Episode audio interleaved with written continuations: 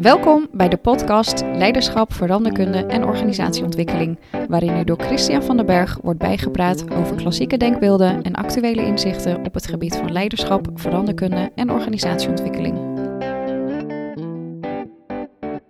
Ik uh, heb geregeld als ik vraagstukken vast heb van uh, uh, organisatieontwikkeling of ook zelfs bij leiderschapsontwikkeling, dat klanten mij vragen van goh, werken jullie ook met design thinking?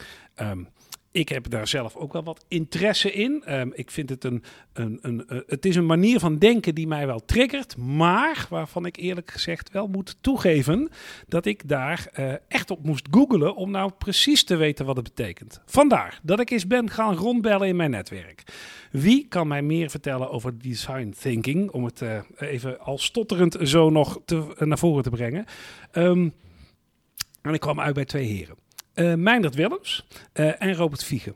Uh, Meindert, bestuurskunde gestudeerd, organisatiewetenschappen gestudeerd, oprichter van Braining the Future. jullie helpen gemeenten bij het vormen van visies, zowel fysiek en sociaal domein. En doen dat vooral met bewoners en dus met behulp van design thinking. Welkom, leuk dat je nou, dit gesprek met mij aan wilde. Dankjewel. Ja, zeker. En Robert, jou ook even introduceren, want anders denken mensen welke vreemde stem horen wij straks. Uh, bedrijfskundige informatica gestudeerd, twintig uh, jaar in de financiële sector gewerkt en nu innovatiemanager bij Heijmans en als zelfstandige aan Braining the Future verbonden. Um, en jij bent trainer in design thinking. Ja. Dus nou, ook welkom. Dankjewel. Superleuk. Um, ik zei het net al, ik struikel soms zelfs een beetje. Hè? Dat hoorde je over de term. Het is, toch, het is ja. zo'n. Uh, maar Meindert, kun jij eens vertellen wat nou heeft gemaakt dat jij als bestuurskundige, ik heb zelf ook bestuurskunde gestudeerd, weten de luisteraars wel, maar wat nou heeft gemaakt dat jij uh, je echt bent gaan verdiepen in dat design thinking? Ja. Nou ja, ik was op een gegeven moment uh, na heel wat jaren werkervaring terechtgekomen in, in de financiële sector. En ik merkte van, hé, hey, ik wil eigenlijk wel weer terug richting dat bestuurskunde wat ik ooit heb gedaan. Weer wat meer bezig zijn met die maatschappelijke uitdagingen. En ik dacht ook van jeetje, hè, dat, dat is wel interessant om eens een keer te gaan verkennen. Kunnen we dat niet op een andere manier gaan doen? En wat zou dan die andere manier zijn? Ja. Hè, slagvaardiger, sneller resultaten in de praktijk uh, uh, zien, te, zien te halen. Meer naar buiten toe. Ik was zelf ook op een plek terechtgekomen waar ik vooral binnen vier muren zat. En eigenlijk weinig te maken had met de buitenwereld. Um, we besteden veel uit aan onderzoeken en kregen veel resultaten in rapportvorm weer terug. Mm -hmm. En eigenlijk was de hele link met de buitenwereld ver, uh, verdwenen. Dus ik dacht van ja, ik vind het interessant om weer eens opnieuw naar buiten te gaan. En opnieuw mezelf ook weer uit te vinden. En te kijken of dat ik weer een, uh, een stap kon maken richting de maatschappelijke uitdagingen. En toen kwam design thinking op mijn pad. En ik dacht van ja, weet je, daar moeten we gewoon meer mee gaan, uh, gaan doen. En, en kun je dan eens zeggen, even gewoon, als je het nou in uh, zeg maar twee zinnen zou moeten zeggen, hè? als mensen het nou nog niet gegoogeld hebben. Wat is design thinking eigenlijk?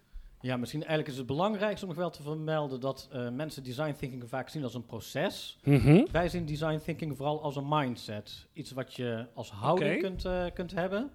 Uh, een nieuwsgierige houding waarbij je eigenlijk direct naar buiten gaat en het probleem instapt.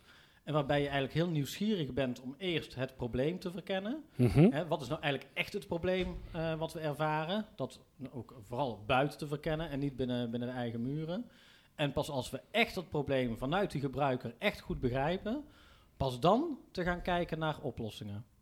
Maar even, dan kijk ik jou even aan, hè, Robert, want jij, jij traint mensen er zelfs in. Mm-hmm. Wat, wat, wat maakt dan dat design thinking dat op een andere manier doet dan je zeg maar normaal gesproken zou doen. Want als ik naar mezelf kijk, ik vind ook uh, dat ik vaak veel tijd besteed aan het ontdekken van het probleem. Hè. Ik, ik, ik, misschien is het allemaal niet terecht, maar Einstein met zijn... als ik een uur heb om een ja. probleem op te lossen... dan besteed ik 55 minuten aan het ontdekken van het probleem. Ik zie jullie alle ja. twee knikken.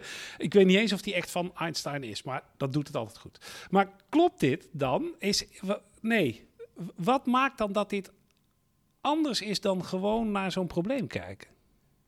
Het, het, het, het gaat om een combinatie van factoren, denk ik. Uh, uh, het, het, het is niet alleen naar het probleem kijken, maar het is ook een point of view op het probleem gaan nemen. Hè, een probleem Ja, heeft meerdere ja. invalshoeken. Dat Mhm. kan een gemeente-invalshoek zijn. Dus de gemeente denkt misschien, Mijn probleem zit op financieel vlak. Maar als je hem vanuit de burgerperspectief gaat bekijken, gaat het misschien wel veel meer om een sociaal vlak. Ja. En dat is waar het ook om gaat bij design thinking. Je gaat een point of view daarin eh, kiezen. Mhm. En van daaruit ga je je verder verdiepen. En je hoeft niet bang te zijn om het verkeerde pad in te slaan, want dat is waarom we vaak heel lang in onderzoeksmodus blijven staan. We willen een soort van zekerheid pakken. Als we dit hebben onderzocht, dan hoeven we geen stapjes meer te zetten. En dat is het mooie van design thinking. Eh, wat mij dat net ook zei, het is geen proces. Je pakt een point of view, je gaat het ontdekken. En vervolgens kom je er misschien achter dat je het verkeerde point of view hebt genomen. Dat is niet erg, maar je hebt het stapje gezet, je hebt het ervaren, je hebt het ontdekt. En je kunt gewoon weer teruggaan. En ja, ja, precies. Dan mag je dus gewoon dat weer mag terug. gewoon. Het, het draait allemaal over het, het in de onzekerheid stappen. Ja. En dat is misschien wel het, wat, wat mij dat ook bij die mindset benoemt van het, het, het, omarmen van die, van, die, van die onzekerheid die erbij hoort eigenlijk. Nou ja, wat ik ehm, eh, al googelend zelf, hè, wat ik ook nog wel eens gebruik, gewoon omdat ik merk dat het aanslaat, is dat ik mensen eh, zo'n zo'n plaatje laat zien van prototypes van controllers. Jullie Mhm. kennen het, misschien, het plaatje misschien ook wel. En dan zeg ik ook wel eens, zullen we dit gewoon eens doen? La, doe jouw ideale oplossing is en de jouwe. En, die, en dat maakt allemaal niet uit, want het is niet erg als het in dat prototype mis zit.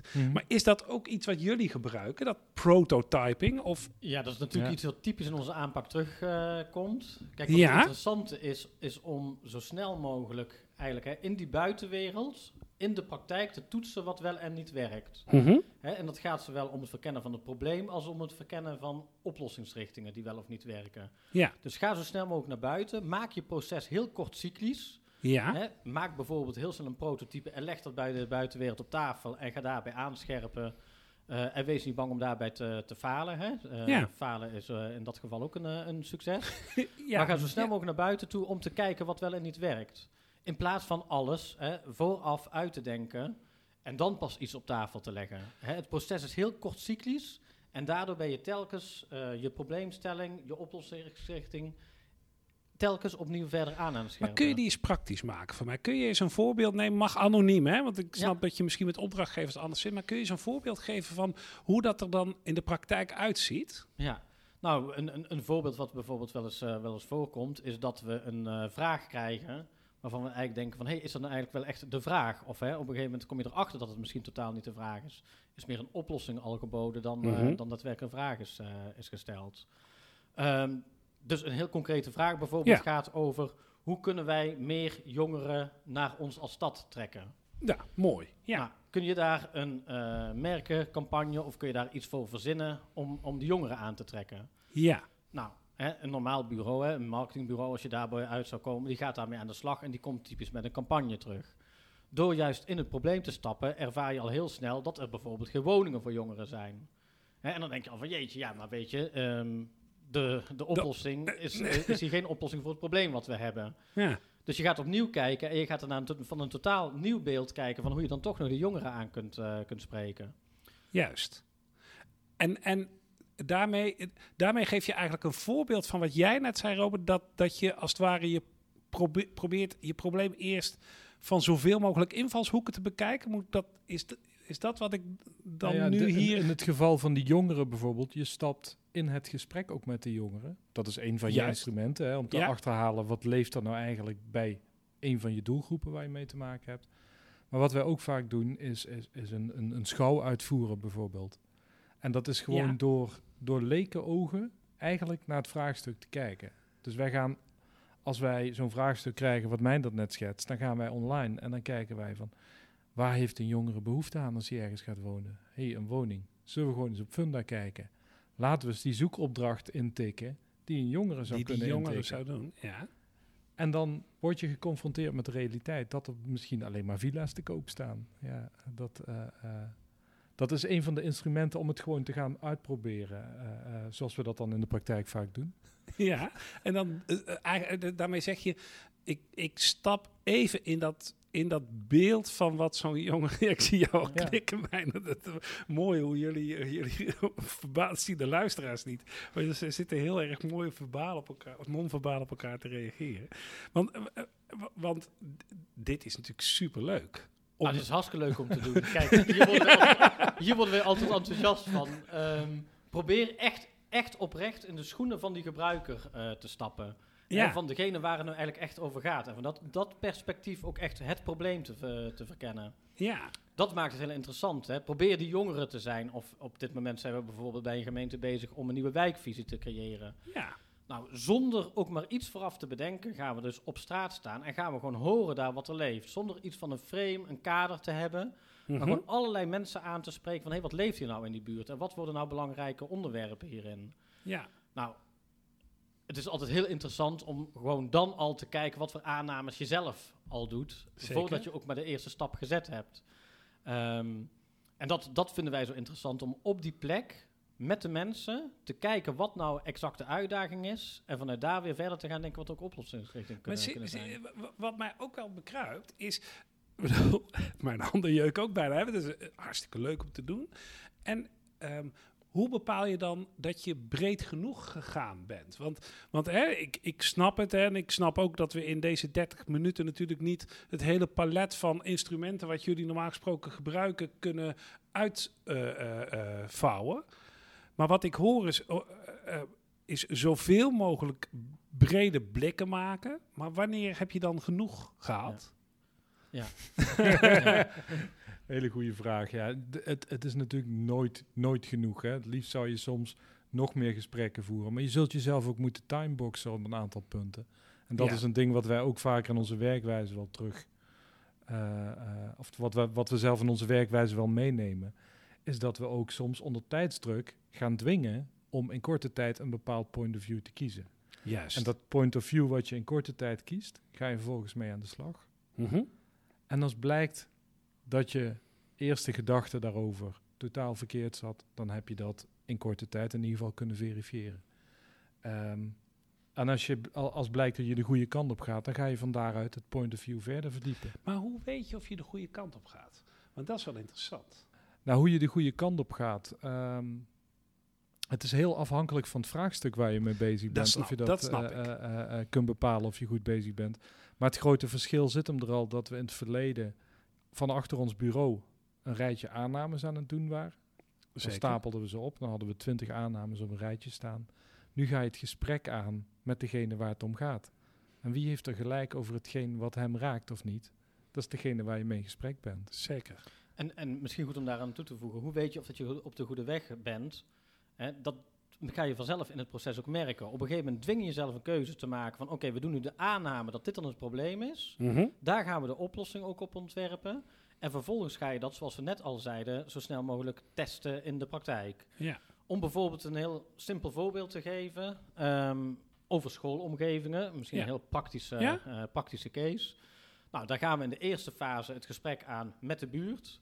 Nou ja, daar, daar kun je zo uitgebreid eh, over zijn met de buurt, maar ook met de kinderen, met de ouders, eh, met de leraren. Wat speelt hier nou op eh, rondom deze omgeving? Mhm. En vervolgens gaan we dat ook in de praktijk uitproberen. Dus zo snel mogelijk tijdelijk een zebrapad uitrollen, tijdelijk een kiss-and-ride zone aanleggen, tijdelijk eenrichtingsverkeer, om te kijken wat wel en niet werkt. En pas Mhm. dan hè, ga je zien wat, wat in de praktijk wel en niet werkt. En ook dat gebruik je dus weer om in overleg met al de verschillende partijen te kijken wat je definitief door gaat voeren.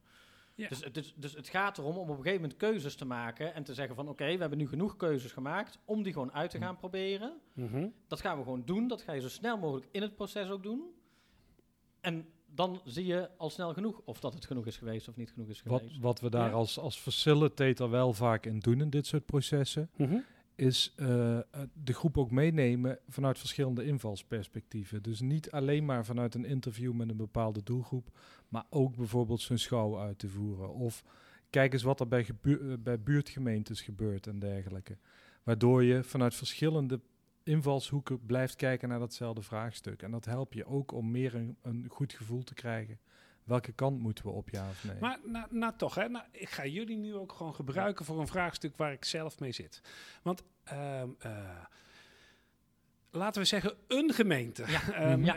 eh, en eh, vraagstuk is eh, om in de, eh, zeg maar de ambtelijke organisatie mag de basis echt beter op orde. En daar bedoelen ze, wordt mee bedoeld van joh, ehm, eh, de, de financiële gegevens kosten gewoon heel veel tijd om die boven tafel te halen als de jaarrekening weer gevuld moet worden. En dat komt omdat er gaandeweg het jaar gewoon niet zorgvuldig genoeg omgegaan wordt met vullen van die gegevens. Hè. Zo, me- meer ziekteverzuim, lastig boven tafel te halen, gewoon omdat de administratie niet altijd goed wordt gevuld. Een hele actiegerichte eh, organisatie die niet zoveel heeft met het op orde houden van die, van die achterkant in die administratie. Waar ik me overigens van alles bij kan voorstellen, gewoon omdat dat ook niet altijd het leukste deel van het werk is.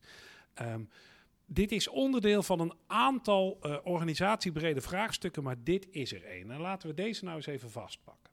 Ehm dat is best, lijkt mij het best pittig om te zeggen van joh, we gaan gewoon eens wat dingen proberen. Want zo'n systeem eventueel herinrichten, wat ik me kan voorstellen bij de aanpak zoals jullie die zetten. Ja, dat, dat is A, wel prijzig. En, en, en, B, nou ja, eh, hè, dan, mensen moeten daarmee leren werken. En als je ze dan vertelt, nou, we proberen dit even als niks is, dan eh, eh, doen we wel weer eens een ander systeem. Hoe pak je zoiets dan aan als je denkt vanuit die design thinking? Ja, misschien goed om eerst te benoemen van, hè, dit, dit is al een interne case. Hè. Natuurlijk Zeker. is daar ook, ook toe te passen. De Zeker. meest interessante cases vinden wij degene waar echt een externe gebruiker zit. Maar goed, toch even deze, Nou ja, deze case pakken. Maar dit is wel een, een, een directeur die iets wil en een aantal gebruikers. Ik bedoel, zo'n, eh, laten we zeggen, een organisatie met, Ja. met een paar honderd medewerkers. Ja. Dus die zijn dan de buitenwereld, maar even. Kijk, misschien dan eerst even Maar de goed. traditionele aanpak ja, omschrijvende. hè. Van, dan wordt er een groot plan van aanpak geschreven waarbij waarschijnlijk een grote verandering aan zit te komen. eh, en er grote pakketwijzigingen doorgevoerd moeten worden. De vraag die hier al begint is van wat is nou eigenlijk echt het probleem? Zeker. Hè, eh, al- als je deze vraag bijvoorbeeld aan de ICT-leverancier stelt, dan zal het een ICT-oplossing zijn. Maar misschien is het wel meer een gedragsprobleem.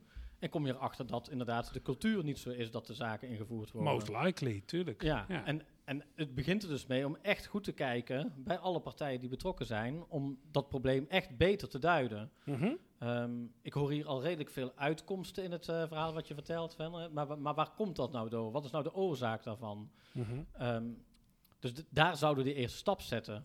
Zitten ze met elkaar aan tafel ook, hè? Hè, Kijk, vanuit de ene koker is dit het probleem, vanuit de andere koker is dat het probleem. En wat we vaak in een aanpak doen, is in die beginstap zoveel mogelijk diversiteit uit het vraagstuk bij elkaar te halen. Ja. En eigenlijk samen gewoon eens te laten benoemen, wat is voor jou nou het probleem? Wat is nou voor jou het probleem? Mhm. En dat, dat doen we meestal wel in een soort workshopvorm, waarbij je mm, eh, eh, niet, niet de ouderwetse eh, tactiek hanteert van eh, wie het hardste praat, eh, wordt het meeste gehoord. Goed. Dat doen we meestal in, in een samenwerkvorm waarbij iedereen de ruimte heeft om zijn ding te zeggen. Mhm. Maar ook het stemmen op wat vind ik nou ook een van de belangrijkste problemen, doe je ook in diezelfde stilte. Ja. En daarmee komen vaak toch in een soort van heatmap-achtige dingen, komen dan dingen naar voren waarbij je ziet van, oh, dat is wel grappig. Iedereen ervaart toch rondom eenzelfde dingetje het probleem. Zeker. En het eerste belangrijke wat daarna gaat komen, is dat ook eigenlijk het gezamenlijk het herformuleren van de onderzoeksvraag. Nou, weet je waar je, waar je mij enorm aan doet denken, eh, Robert? Ik heb ehm, eh, mede ingegeven door corona, hè, soms zitten daar ook wel Ja. mooie dingen aan. Eh, heb ik zo'n systematiek, ik weet niet eens meer, volgens mij heette dat 10, 15 jaar geleden, toen ik hem voor het eerst gebruikte, heette dat de versnellingskamer. Ik weet niet of jullie dat kennen. Maar dat, wat zei je? pressure cooker eh, aanpak. eh, Ja, maar wat daarin gebeurde is dat eh, in een digitaal systeem, hè, mensen kregen toen allemaal een laptopje. Dit, was, dit is echt nog uit het oude stekkertjes tijdperk. Maar wat er gebeurde is dat je een groot scherm had en dat ehm, eh, eh, eh, niet helder, niet duidelijk was wie wat daar poneerde. En dat je daarna inderdaad gaat stemmen daarover. Maar dat het er niet toe deed of de gemeentesecretaris of de wethouder of eh, zeg maar de medewerker administratie een probleem naar voren bracht. Maar er werd gewoon, er stond een probleem. En daarna ga je met elkaar kijken van, joh, waar zijn we het nou het meest mee eens?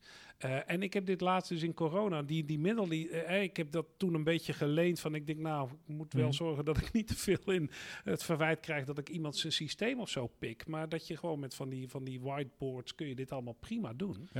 En het Eh. leuke hiervan is, is dat door eh, het niet ellenlang te hebben over het probleem. Maar juist door met z'n Nou. allen, hè, zonder iets te zeggen, alleen al te stemmen op iets, Ja. dan zie je dus dat dat al heel snel tot inzichten leidt. Ja. Hè, iedereen kiest een bepaalde hoek. Ja. En dat laat al zien, hé, hey, we denken er eigenlijk misschien wel veel meer hetzelfde over dan we denken. Zonder dat je daar het twee uur over hoeft te hebben. Hè? Door meteen te, Ja.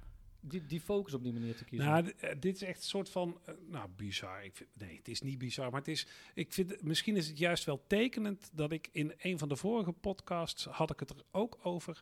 En toen vertel, gaf ik ook ditzelfde voorbeeld, dat ik eh, bij het in kaart brengen van problemen geregeld aan mensen schrijf het eerst eens in eigen woorden op, op gewoon zo'n heel groot geeltje.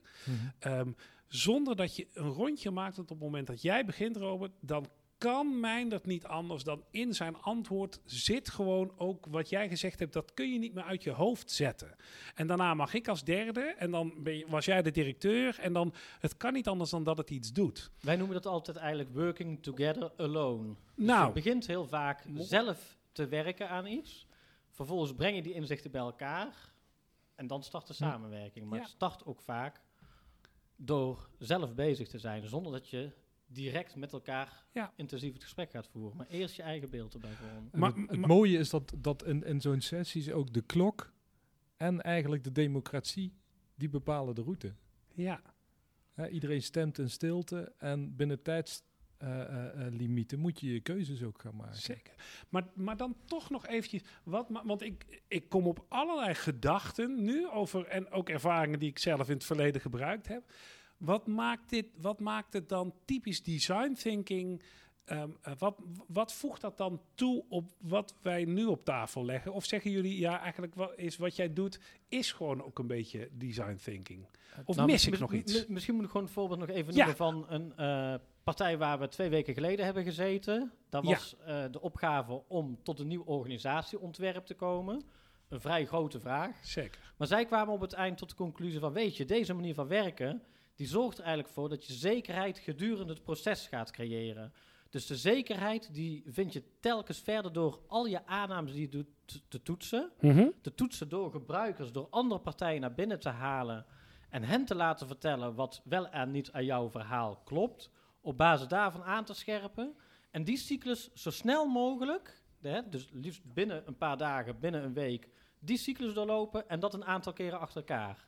Ja. En daardoor vind je telkens steeds, steeds meer zekerheid, in plaats van dat je die zekerheid binnen je vier muren aan het zoeken bent, Ja. op basis van eh, een theoretisch verhaal wat je zelf aan het, eh, aan het ontwikkelen bent.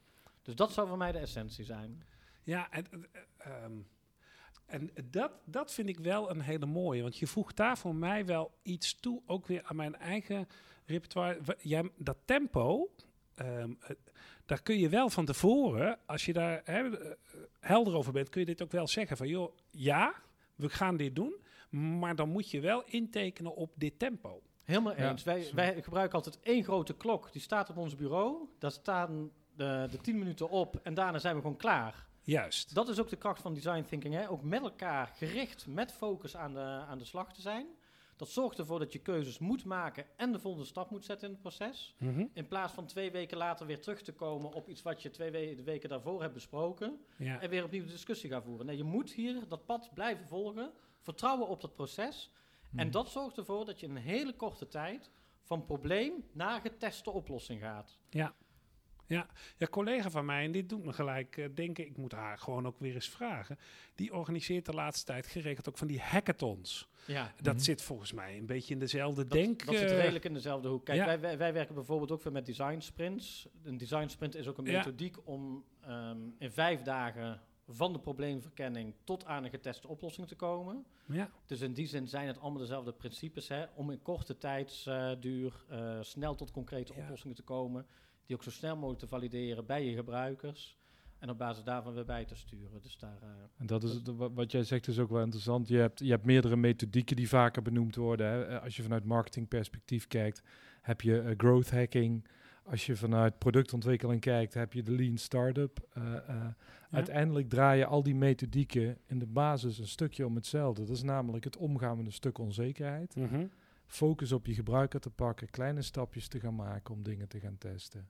Ja. En eh, de een eh, i- is heel erg het design thinking gedachtegoed aan het omarmen, terwijl een start-up misschien wel met de lean start-up uiteindelijk dezelfde doelen nastreeft daarin. Nou ja, en wat ik, zelf, wat ik uh, zelf wel merk is dat ik zit geregeld bij van die high sessies en het is heel makkelijk om jezelf voor te nemen wat je, wat je gaat doen. Voor mij is wel steeds de kern. Hoe, en wat, wat betekent het voor morgen en voor overmorgen? En um, wij zijn toch ook allemaal gevoelig voor uitstelgedrag, wij mensen. Uh, en dat, dat uitstelgedrag moet je als het ware ook een beetje tackelen. Precies. En ik vind het wel leuk dat jij het dus hebt over, ja, we hebben het met een klok en we vertellen aan de voorkant tegen de klanten, nee, hè, het is gelijk overmorgen terugkomen en niet over drie weken pas. Um, uh, nou, hè, met die, met die start-ups is dat natuurlijk een beetje hetzelfde, dat je heel kort knipt en ja. steeds weer opnieuw... Als, ja. als, als we sessies met klanten doen, gebruiken we ook altijd dezelfde sheet aan het begin van alle presentaties. De klok is hier de baas. Mm -hmm niet een, een, een rol in de organisatie of een, een directeur of een van ons. De klok is de baas. Uh, het gaat hier om dat we samenwerken, samen alleen. En uh, dat je vooral ook plezier erin hebt. Ja. En die, dat is ook niet een te onderschatten factor. Want ik vind dat wel echt heel erg mooi uit alle sessies die we doen en alle trajecten. Mensen lopen vaak veel meer met een glimlach naar buiten en zeggen van... Dit hadden we normaal nooit voor elkaar gekregen. Ik zie jou er ook bij glimlachen. Ja, ik, vind het ik, ja. ik vind het heel mooi. Dat werk is ook gewoon leuk. Ja, Nee, uh, dat herken ik wel. En, en, in die zin zit, zit misschien ook wel uh, de glimlach die ik er zelf ook bij voel, is uh, dat, dat, dat, het voor, dat het voor mensen ook leuk is, ook voor, voor begeleiders ook, maar goed, hè, voor, voor mensen die in zo'n proces zitten, is het ook leuk om succes te kunnen zien. Uh, en en uh, uh, van succes ga je sneller naar een volgend succes en, dan van... Ja. En dat is ook het tastbare bij design sprints of het werken met prototypes. Het is geen rapport wat ergens in een la ligt, maar ja. het is een kaart, een bordje, een, een uitgerolde zebrapad. En het is vooral een gedeelde ervaring die je ja. opdoet. Hè? Je hebt een gedeelde ervaring rondom een project. En um, op vrijdag heb je nog steeds over Jantje die je op maandag hebt gesproken en die een typische gedachte had. Ja. En op vrijdag, dat zorgt er ook weer voor dat die tijdsdruk zo hoog is, weet je gewoon dat je weer vijf nieuwe gebruikers aan tafel gaat krijgen. Dus je, je moet door in het proces en je moet hè, op dat moment weer je oplossing voorleggen. Ja, en dat, dat zorgt ja. ook altijd wel voor dat het zo leuke nieuwe inzichten op, uh, oplevert. Ja. ja. dat je daar... Uh, altijd opnieuw energie van krijgt. Ah, leuk. Ik krijg in ieder geval energie van dit gesprek. Dankjewel, uh, mannen. We hebben het, uh, we hebben het gewoon in een, in een pressure cooker uh, moeten vertellen. Met z'n drieën. Dat is een hele uitdaging. Maar wat mij betreft echt inzichtelijk. Dus volgens mij geslaagde missie. Dank. Mooi, dankjewel. Yes. Graag gedaan. Leuk.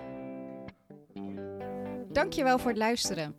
Vond je dit een aansprekende podcast? Abonneer je dan en deel het met anderen. Heb je tips of suggesties? Mail dan naar christianvdberg.gmail.com of kijk op zijn LinkedIn-pagina. Graag tot de volgende keer.